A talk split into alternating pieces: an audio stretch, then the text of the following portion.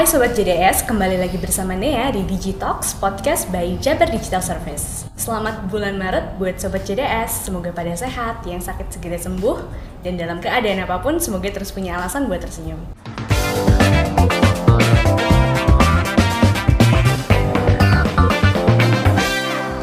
Di episode Digitalks pertama bulan Maret, kami ingin ngobrolin satu aktivitas manusia yang karena teknologi jadi dimungkinkan untuk dilakukan di mana saja. Nih, aktivitas ini tuh di masyarakat kita sangat penting sampai bisa dibilang jadi salah satu alat ukur status sosial. Aktivitas ini saking pentingnya kalau misalnya kita nggak pernah kelihatan keluar buat melakukannya bakal memancing pertanyaan. Kamu di rumah aja, nggak kerja. Nah, Sobat JDS, belakangan ini dunia lagi dibikin pusing sama kehadiran coronavirus yang belum pernah terdeteksi sebelumnya. Virus ini bikin tubuh yang dihinggapinya mengalami gangguan di saluran pernapasan. Nah, 11 Februari kemarin WHO memberi nama ke penyakit ini uh, COVID-19. COVID-19 ini mendisrupsi kehidupan manusia, khususnya di tempat-tempat yang kasusnya sangat banyak, seperti di Cina dan Korea Selatan. Termasuk juga di sana kehidupan kantor, karena anjuran tidak keluar rumah untuk mencegah tertular virus yang belum ditemukan vaksinnya ini banyak kantor yang akhirnya mengizinkan karyawan untuk kerja dari rumah. Termasuk salah satu uh, tech company besar, Twitter, yang dalam sebuah blog post mendorong semua karyawannya di seluruh dunia untuk kerja dari rumah selama outbreak berlangsung. Nah, disrupsi ini sangat mengganggu uh, bisnis ya tentunya karena biasanya orang pergi keluar untuk kerja, tapi karena ada outbreak, ada anjuran tidak keluar rumah, uh, akhirnya orang-orang pada tidak bisa bekerja di kantor. Nah, menurut menurut majalah Forbes, disrupsi ini nggak terlalu berarti bagi perusahaan yang dari awal udah uh, punya kebijakan remote working. Nah, remote working atau work from home ini punya nama keren, namanya telecommuting. Gitu ya. Kalau tradisionalnya nih kita commute dari rumah ke tempat kerja pakai transportasi publik atau mungkin bawa mobil motor sendiri. Ini versi canggihnya para remote workers commute-nya menggunakan internet. Sekarang ada Skype buat teleconference, email buat korespondensi, ada cloud juga buat penyimpanan dan bagi data. Nah, teknologi-teknologi ini udah banyak bikin pekerjaan uh, bisa dilakukan secara remote. Uh, untuk ngomongin soal uh, remote working ini, kita sekarang udah mengundang Kang Ende Siswandi dari komunitas uh, kami kerja remote ke kantor JDS buat ngobrolin soal uh, remote working. Halo Mas Halo, halo. Apa kabar? Baik, baik. Alhamdulillah. Alhamdulillah ya. Uh, di tengah-tengah histeria ada coronavirus ini, alhamdulillah kita masih sehat, jadi nggak perlu ribet pakai masker. Karena yeah. ternyata yang pakai masker cuma yang sakit aja katanya. Yeah. Yang sehat jangan, karena nanti malah uh, menghabiskan masker. Menghabiskan masker, nanti yang sakit nggak bisa pakai masker gitu ya. Betul, betul. Uh, boleh perkenalan diri dulu Kang Di sebelumnya. Oke, perkenalkan nama saya Andi Siswandi. Saya uh, bekerja remote sudah tujuh tahun belakangan ini. Tapi freelance salah satu tipe pekerja remote saya sudah 12 tahun okay. menjadi freelancer. Mm -hmm. Jadi ada bedanya antara kerja remote dan freelancer. Freelancer itu sa ya salah satu bagian dari uh, kerja remote. Justru tadi dibilang telekomuting itu justru sudah sama uh, dengan kerja remote, cuma istilah te telekomuting justru itu sudah lama, sudah oh. jadul. Oh, sudah jadul. Remote worker okay. justru. Jadi uh, memang sama telekomuting dan remote worker. Uh, sekarang millennials itu banyaknya menamakannya remote working Uh, saya sekarang mendirikan usaha namanya Malaika Digital Solution di Cimahi. Usaha saya memang mencari uh, mengumpulkan para pekerja remote dan freelancer. Jadi ya insya Allah saya cukup paham bagaimana menjadi freelancer, pekerja remote dan sekarang industri yang membutuhkan pekerja remote. Jadi saya sedang mengalami uh, tiga fase Eh, dari freelancer sampai membutuhkan pekerja. Jadi insya Allah ya bisa bantu untuk tanya jawab. Ini berarti agak unik ya kalau misalnya orang bilang kayak oh ya saya punya usaha saya lagi membangun Mem sebuah usaha atau sebuah startup, uh, lah, startup gitu. Kantornya di mana gitu? Ada nggak jawaban untuk itu? Kantornya di rumah. Oh, iya, Kantor, iya. Kadang saya suka lucu juga sama istri saya. Bun, saya mau ngantor dulu ya ke ruang tamu ke ruang tamu dari kamar ke ruang tamu jadi kantornya sebenarnya bisa di mana aja gitu? bisa di mana aja ya kerja remote nggak harus di rumah terus ada lagi istilah uh, working from home itu juga bukan remote working karena remote working tidak membatasi kerja di rumah. Kerja di rumah itu kadang kita mau bawa pekerjaan ke rumah terus kita kerjakan di rumah itu kerja dari rumah. Jadi kerja dari rumah tuh tidak selalu disebut uh, remote worker gitu. kalau remote worker itu ada tiga tipe sih ya uh, yang full time. Jadi full time remote worker dia mengikuti jam kerja atau setidaknya harus 40 ha- apa 40 jam selama seminggu biasanya seperti itu Eh, tipe-tipe company-nya maksud saya. Jadi ada yang membutuhkan full time pekerja remote-nya, ada yang membutuhkan half time, jadi dia datang cuma Sabtu Minggu atau datang hari kerja uh, Senin sampai Rebo itu misalnya. Sisanya mangga di rumah atau dipanggil untuk meeting. Ada lagi tipe ketiga uh, yaitu tadi non of team, jadi dia tidak punya tim, bekerja sendiri. Nah, itu yang disebut kadang freelancer, ya.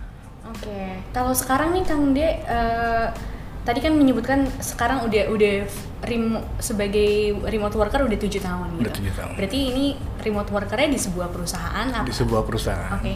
Jadi eh, tahun 2012 saya memang punya niat dengan istri saya karena apa punya lagi mengandung anak bungsu saya ingin kerja di rumah karena saat itu saya tinggal di Jakarta. Jadi eh, cari-cari pekerjaan lah yang kerja remote ada penawaran dari eh, Australia namanya Powerfront. Powerfront perusahaan web development dan software development juga. Akhirnya saya interview diterima tahun 2012 dia sistem remote-nya sebagian bekerja di kantor sebagian di rumah. Nah yang di rumah itu harus mengikuti jam kerja di Australia. Jadi saya masuk subuh kan beda tiga jam ya masuk subuh selesai kerja tuh jam 12 jam 1 gitu. Sisanya ya bebas jadi kita mengikuti jam kerja aja. I- itu salah satu tipe eh, kantor yang mempekerjakan pekerja remote kadang harus mengikuti jam kerja di sana. Karena Australia jadi masih dekat lah tapi kalau yang US biasanya eh, shift shiftan yang penting ada jam yang dia bertemu dengan yang di Amerika dan yang di Indonesia pas klop jamnya enak gitu karena beda 11 jam ya jadi kadang di sana mereka kerja kita tidur gitu kan malam gitu. Eh, saya tiga tahun di Powerfront itu eh, mengundurkan diri di 2016 lah 2016 ya terus membangun usaha sendiri ini gitu. Oh berarti sekarang udah tidak bersama. udah tidak bersama dari 2016 Oke, berarti sekarang full time. full time merintis usaha sendiri Oke, eh, Mas, ini pertanyaan super iseng. Super iseng. Pernah dikira pengangguran nggak? sering banget Gimana pendapat Mas? Ini kan emang kayak gitu ya kalau orang tuh kadang-kadang harus kelihatan keluar pakai baju rapi buat eh, ngantor gitu istilahnya ba- bukan bekerja tapi ngantor gitu. Betul. Nah, Apalagi ini ya, tetangga-tetangga saya ya gitu ya, karena tinggal di Cimahi gitu kan. Jadi kolot lah gitu orang-orangnya yang desa yang ngantor itu ya harus berangkat pergi kerja gitu. Pagi-pagi udah siap-siap kerja pergi. Lama-lama kok nih eh, bapak ini di rumah terus. Bukan di rumah terus pagi-pagi suka belanja sayur atau apa gitu belanja di depan. Tanyalah sama tukang sayur. Ah tedamel nggak kerja. Oh nggak bu lagi libur. Pertama males lah ya males ngobrol banyak. Jadi di di, di apa diakalin aja lah eh, alasan supaya cepet pergi gitu kan. Tapi lama-lama sering gitu. Ya akhirnya kita ngejelasin gitu kalau saya kerjanya di rumah. Ya memang harus dijelasin karena tetangga ya dan desa gitu ya. Jadi lingkungannya sangat dekat gitu. Pasti kita kadang harus menjelaskan. Tapi obrolan ini memang kadang di grup kita di kami kerja remote eh, apa selalu jadi iya selalu jadi bahan candaan. Kemarin pun komen ada sampai 200an ngebahas di rumah dituduh apa gitu kan. Ada yang dituduh miara celeng lah ada yang dituduh dukun lah segala macam. Gitu.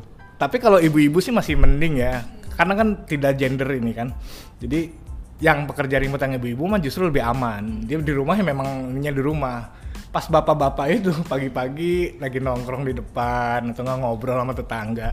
Kok ini nggak kerja-kerja di rumah terus terus saya pindah lah dari desa saya ke perumahan gitu kan dengan satpam dan sekitarnya. Tahun-tahun awal ya itu lama-lama mereka berpikir oh bapak yang eh, tidak kerja si ibu yang kerja karena ibu aktivitas terus pergi gitu kan. Ya udahlah biarin aja lah. Nggak masalah mau dibilang apa yang penting nggak dibilang dukun atau apa gitu. Jadi saya udah cukup santai lah akhir-akhir ini gitu. Tapi kalau menurut Mas gimana nih eh, pendapatnya soal kayak ini tuh masih jadi stigma gitu ya kalau misalnya di mungkin di masyarakat kita tuh pekerja be- belum lumrah kali ya makanya kadang-kadang orang yang bekerja freelance it- atau remote worker itu stigmatized gitu di masyarakat. betul betul Eh ya itu sih mau nggak mau eh, kita harus memperkenalkan ya Hmm.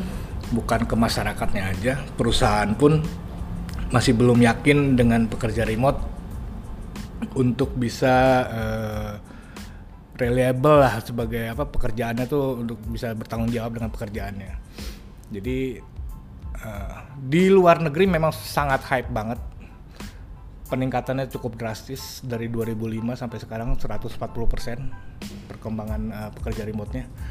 Terus di Amerika itu sudah sekitar 4,3 juta atau 2% atau 3% pekerja di Amerika itu bekerja remote. Jadi sudah cukup eh, apa kuat. Di Indonesia memang selalu telat ya eh, datangnya. Mungkin istilahnya aja sih eh, pekerjanya sih saya yakin dari dulu udah banyak cuma karena teknologi makin maju jadi eh, perkembangannya harusnya makin eh, cepat ya karena eh, apa stigma di masyarakat yaitu yang dulu kan memang orang tua kamu kerja apa harus lawyer lah harus dokter lah harus pokoknya yang bergengsi lah. Kami yang di sini kebanyakan IT sih ya eh, di bidang ini di bidang pekerja remote. Nggak perlu ijazah nggak perlu lulusan SMA nggak perlu eh, pendidikan yang gimana tapi yang dilihat kemampuan.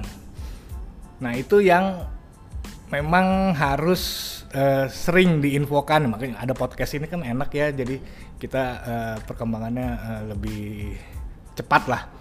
Jadi memang harus selalu diceritakan harus selalu dikasih tahu di di di apa seminar-seminar dan obrolan-obrolan tentang kerja remote inilah. Eh, ada yang lucu memang kan eh, dari yang komen saya bilang tadi 200-an itu ada yang bilang saya sama mertua saya malah diremehkan katanya. Wah kamu bukan sarjana lah ini, ini harusnya pegawai bank akhirnya dia mengeluarkan eh, buku tabungannya. Ini tabungan saya dari bekerja tiap bulan saya dapat berapa berapa berapa. ternyata tiga kali lipat dari S1 gitu ya yang Pegawai dari pegawai bank itu sendiri gitu. Barulah dijelasin gini-gini oh iya baru boleh nikahin anaknya. Gitu apa yang lucu-lucu sih memang eh, ininya cerita-ceritanya. Dari komunitas kami kerja remote itu eh, mungkin boleh diceritain sedikit kali ya soal Ah, iya. komunitas kami kerja remote kayak support semacam apa sih atau misalnya obrolan semacam apa sih yang ditawarkan atau mungkin secara natural ada di komunitas kami kerja remote. Iya. Kami kerja remote itu foundernya Kang Rahmat Awaludin tahun 2017 dia membuat Facebook group. Kami kerja remote. Pertama memang eh, apa tidak publik masih tertutup. Ngumpulin pekerja remote eh, hingga sekarang perkembangannya udah sekitar 1.600 member. Oh bukan, 16.000 16.000 member.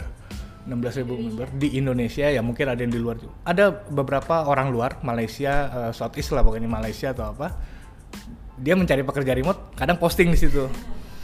Apa yang kita lakukan ya eh, komunitas biasa lainnya lah ngobrol apa segala macam. Yang pasti yang sering ditanyakan sih soal peluang kerjaan. Kita posting pekerjaan remote ada di mana atau ada perusahaan mencari pekerja remote eh, proyekan kita butuh tim nih untuk kerjaan ini sebulan ya gitu. Cari seperti itu posting-posting seperti itu yang eh, laku. Kemudian itu eh, cerita-cerita tentang keluh kesah sebagai pekerja remote. Nggak dibayar klien lah eh, apa susahnya nyari kerja remote lah ada yang beranggapan susah gitu kan. Terus kan kita punya ada website-website freelance gitu yang eh, orang-orang ini bergelut ke situ tidak di approve sama Upwork lah. Ya, pokoknya keluh kesah gitu tuh ya akhirnya dibantu eh, saling komen dan inilah.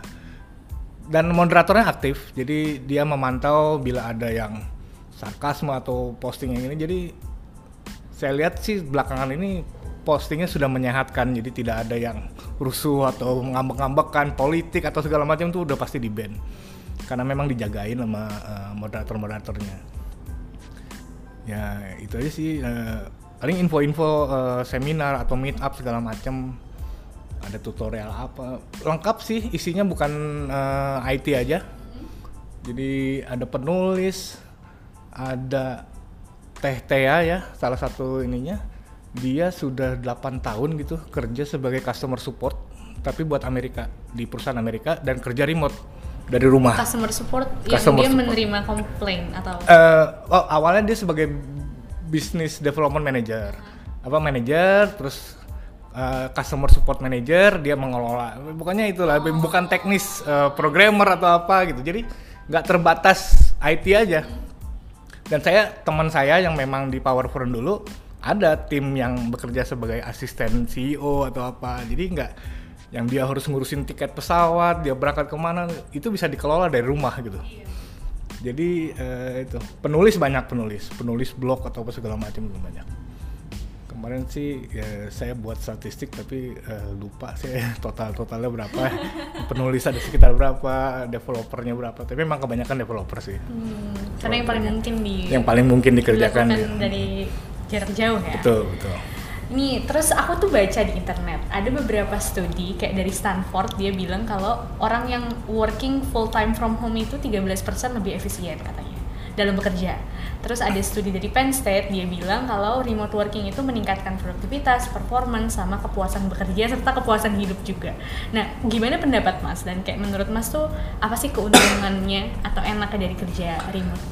oke banyak ya pro-nya Hmm. pro-nya itu yaitu uh, work sama life balance itu sangat banget memungkinkan. Saya bekerja remote saat anak saya lahir hingga sekarang udah SD. Saya tahu banget gitu dia perkembangannya seperti apa. Beda sama anak saya yang dari dulu waktu saya kerja kantoran atau apa kecilnya tuh tidak terbangun dan saya cukup memahami eh, parenting ya jadi baca-baca dan segala macam golden age itu sangat penting dan memang kita memantau walaupun memantau kita ada di situ nggak harus bermain terus nggak. Dia tumbuhnya beda dengan kakaknya yang dari awal eh, seringnya dititipin lah atau sama siapa gitu sama neneknya gitu apa kelihatan banget perbedaannya. Terus eh, itu work life balance nya kedua saya pernah mengalami apa saya 12 tahun di Jakarta itu mengalami capeknya kerja perjalanan tapi karena saya masih bujang dulu awal-awal dan kos apa ngekos saya selalu pindah kosan deket yang kantor. Teman-teman saya rata-rata di Bekasi di mana itu bisa dua jam perjalanan ke Jakarta. Harus commuting lah pakai KRL lah motor lah segala macam. Sampai kantor capek. Butuh satu dua jam naikin mood baru dia bisa kerja. Tahu-tahu udah pulang. Udah harus pulang kantor telat dikit macetnya luar biasa. Makanya banyak orang Jakarta lama-lama kerjanya pulangnya jam 7 jam 8 malam. Karena nunggu jalanan ah, ah, trafficnya selesai. Menurut saya itu capek tua di jalan. Itu yang saya eh, hadapi sekarang apa ngerasain. Saya udah nggak capek-capean di jalan. Terus yang ke berikutnya itu keuntungannya lebih healthier ya ngerasa lebih sehat lah gitu. Tapi memang harus dibalance dengan olahraga juga. Karena pekerja remote cenderung lama banget duduk duduk di depan komputer pindah lagi duduk di sofa pindah lagi duduk di depan gitu di ketaman gitu kan jadi memang harus ada olahraga tapi memang eh, perasaannya sih ya itu karena nggak capek ya jadi melakukan kerjanya senang Pace- lebih produktif karena nggak harus lebih naikin produktif. dulu setelah Iya. capek jalan. Betul. Pekerja kantoran menurut saya efektif kerjanya itu 3-4 jam. Dari 8 jam dia bekerja. Kita kerja kantoran, apa kerja remote, biasanya di tracking time-nya. Sekarang tuh lagi musimnya eh, di tracking waktunya. Biasanya itu dengan saya bekerja di kantor 4 jam, saya kerja di rumah 4 jam, saya bisa menghasilkan 2-3 kali lipat hasil pekerjaan yang eh, sama gitu. Bahkan lebih cepat ngerjain pekerjaan, lebih cepat selesai, kadang teman saya cerita gitu ya dari 40 jam dia harus selesai dalam seminggu kadang dia cepetin tuh kerjanya dilamain di hari-hari tertentu supaya dia hari Jumat bisa libur yang penting kan 40 jam kalau kantor nggak bisa 8 jam tetap selesai 8 jam apa lima hari lima hari gitu itu sih pro-nya ya. Iya. Sekarang saya mau ceritain con-nya. Oh boleh. Tadi baru mau ditanyain. Mau ditanyain con-nya. Loneliness. Ya, Kalau aku yang aku baca katanya teralienasi katanya. Teralienasi itu gimana? Iya, ter terkungkung ya seperti eh, ya itu loneliness, terkungkung, eh, diam sendiri, tapi itu buat bujangan. Oke. Saya dulu gitu buat bujangan iya, terkungkung. Kalau sekarang udah punya anak enggak, lagi suntuk tiba-tiba digangguin anak saya main-main sebentar lanjut lagi fun lah itu kan. Tapi terkungkung, ya memang loneliness eh, di rumah kerja sendiri atau enggak di, di kos-kosan sendiri gitu kan, tanpa teman ngobrol. Kalau dia eh, dibilang nerd ya mungkin nerd seperti itu, tapi bahaya. Itu solusinya ya harus gaul cerewet di sosial media, cerewet ngobrol, cerewet di mana, pokoknya dia harus ngeluarin, nggak bisa kan orang diem aja sendiri, orang kan makhluk sosial, iya, orang kan secara lahiriahnya masuk so- makhluk sosial gitu, jadi harus ngobrol, harus interaksi. Kalau nggak gitu Sabtu Minggu ya dia harus jalan, main, ngobrol, ikut komunitas, ikut apa kayak pengajian, harus gitu. Kalau nggak dia nanti akan menemukan peaknya, eh, hancur dia, itu. Psikologisnya rusak. Itu sih loneliness connya kalau itu tadi yang buat jomblo masih sendiri. Kalau yang sudah berkeluarga terganggu distraksi. Distraksi eh, kasusnya saya waktu di Powerfront itu tidak pakai tracking kan pakai jam tapi belum di tracking. Terus eh, banyak gangguan. Karena saya jam 5 subuh sampai jam itu siang kadang bapak saya datang main ke rumah. Masa saya tinggalin pas saya lagi kerja gitu kan nggak bisa. Ya udah temenin ngobrol. Awal-awal aman karena eh, yang saya kejar kan yang penting selesai kerjaannya kan nggak nggak nggak di tracking waktu. Pas saya eh, akhir-akhirnya saya keluar itu karena akhirnya kantor itu pakai tracking time pakai waktu di track. Itu yang buat saya nggak bisa eh, kerja lagi sama mereka gitu kan. Jadi lebih nggak fleksibel. lebih nggak fleksibel. Padahal ya saya nggak kerja pagi ya siang siangnya sorenya. Kadang freelancer itu malam justru lagi keluar keluarnya ini karena lebih bisa fokus. Itu sih yang bahaya ya jadi eh, malam doang gitu bisa fokus. Ya udah tapi lama-lama di situ saya belajar lah ya. Gimana caranya cepet keluar dari suatu pekerjaan misalnya lagi coding atau lagi desain tiba-tiba harus berhenti gitu. Harus bisa berhenti cepat tapi pas balik lagi harus bisa nerusin yang tadi ditinggalin. Itu yang kadang orang tadi ngapain ya? Lupa tracking kerjaannya di mana lah tadi ngapain? Harus butuh beberapa menit dulu baru nyari-nyari oh ya bisa balik lagi. Tapi itu sih funnya eh, apa distraksi itu. Sekarang apalagi anak saya lagi ini tiba-tiba ambilin inilah masakin inilah jalan-jalan lah ke depan lah. Itu harus eh, menemukan ritmenya sendiri sih Tuh. time management nah itu terus connya itu ya time managementnya itu yang bener-bener harus master itu harus harus Soalnya kalau mungkin kalau orang kantoran tuh semacam dipaksa kali ya buat ya alokasi waktu lo ini buat bekerja gitu. Betul. Kalau misalnya di rumah tuh kita harus lebih self aware Iya. gitu.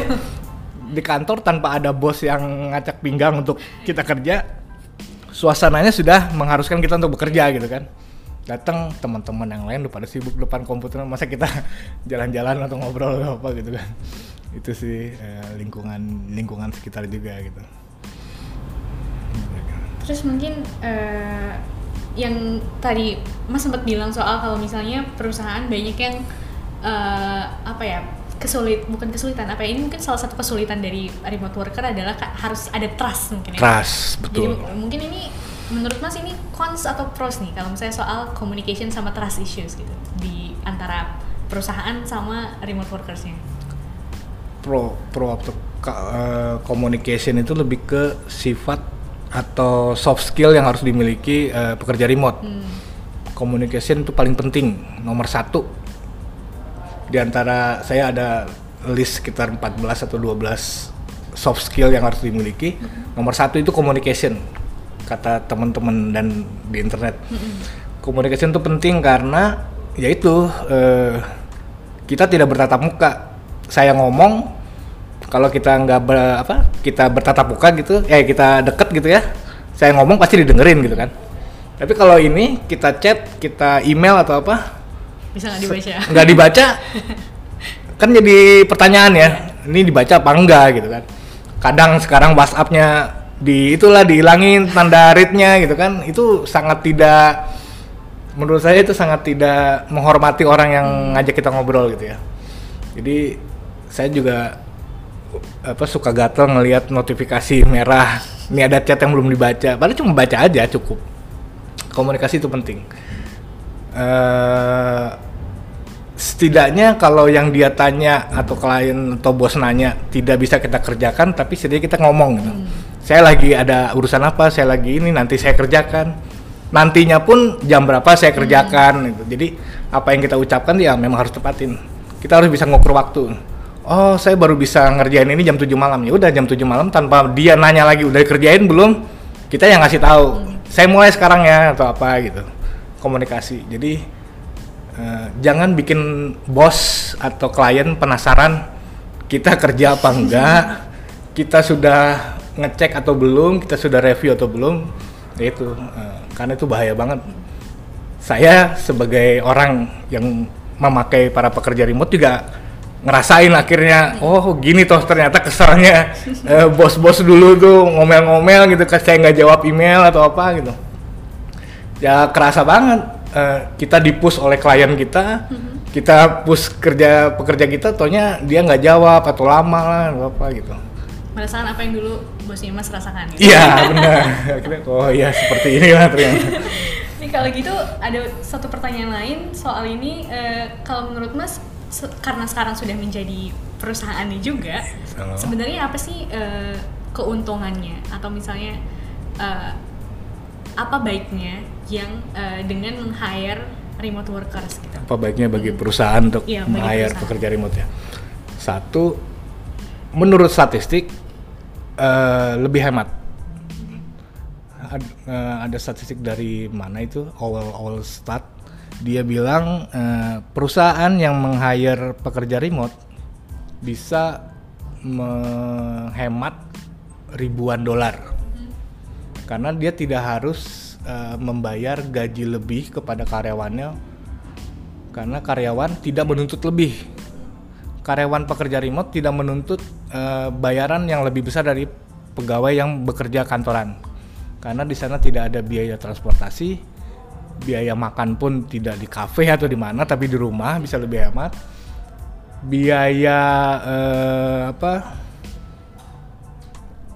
transportasi tadi em, makanannya bukannya biaya-biaya lain yang di ini terutama keterlambatan atau apa kan itu bisa dihitung eh, sebagai eh, budget ininya ya biaya karyawan.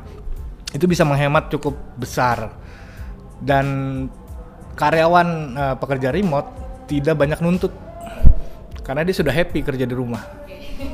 Karena dia lebih happy.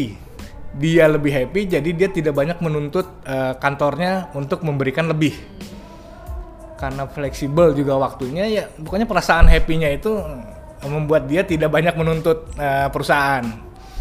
Menuntut dalam arti oh minta gaji lebih lah naik atau apa eh, biayanya enggak. Biasanya dilihat statistik dari beberapa ini eh, website pekerja remote. Dia memang eh, apa pekerja remote itu tidak banyak menuntut.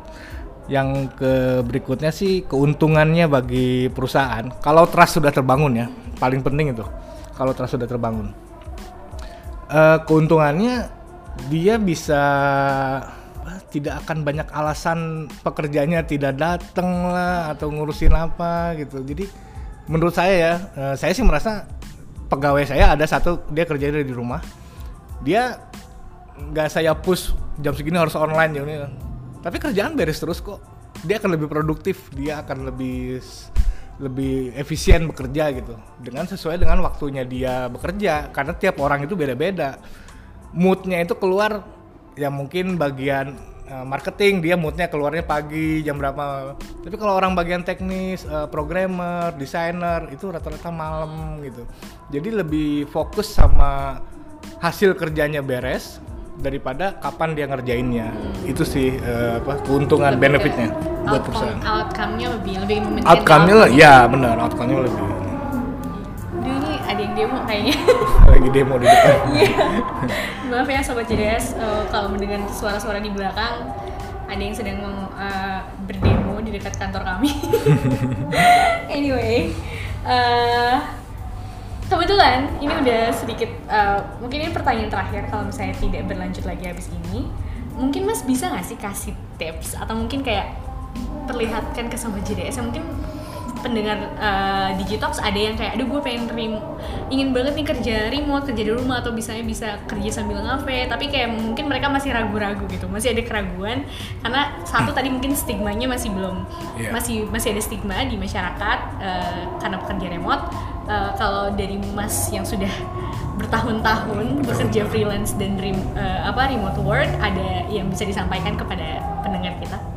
Oke. Okay yang pertama paling penting pekerja remote itu apa uh, kayak virus lah uh, virusnya tuh lagi hype banget sekarang ini kerja remote tapi nggak semua orang bisa kerja remote karena itu bukan sesuatu yang bisa dipelajari itu butuh apa dipelajari cepat ya.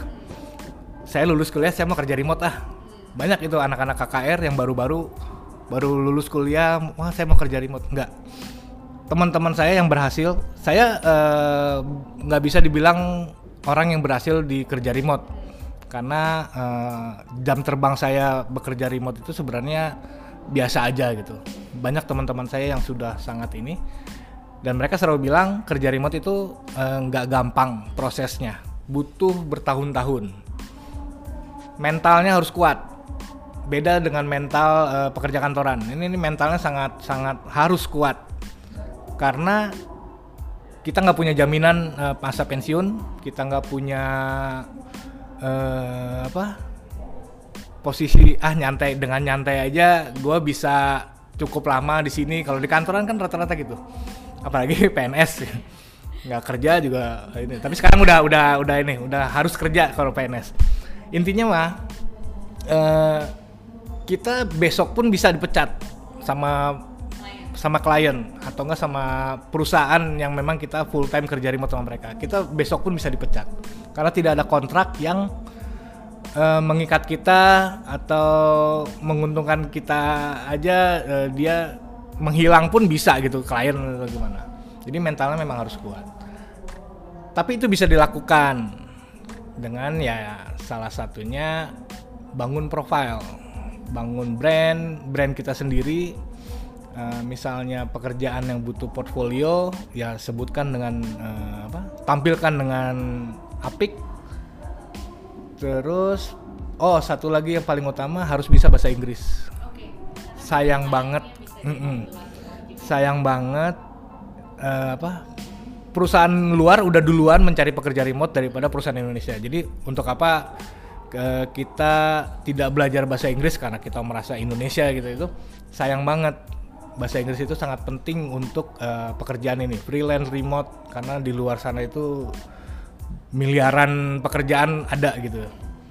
Dan mereka tidak masalah kita kerjanya dari mana gitu kan. Tapi mereka kita pun nggak harus jadi master berbahasa Inggris. Saya aja belajar dari nonton DVD atau apa saya nggak ikut kursus atau apalah. Kursus online juga ada ya sebenarnya ada ada. Sekarang malah di kami kerja remote ada tim yang ngebantu untuk cara membuat proposal, cara berbahasa Inggris, ada yang bantu ngajarin. Terus kita hari Kamis juga selalu berbahasa Inggris postingannya. Jadi memang kita push uh, teman-teman untuk belajar bahasa Inggris karena itu penting banget. Setelah itu barulah cari uh, sesuai kemampuan skill kita. Cuma kita yang tahu kan skill kita apa.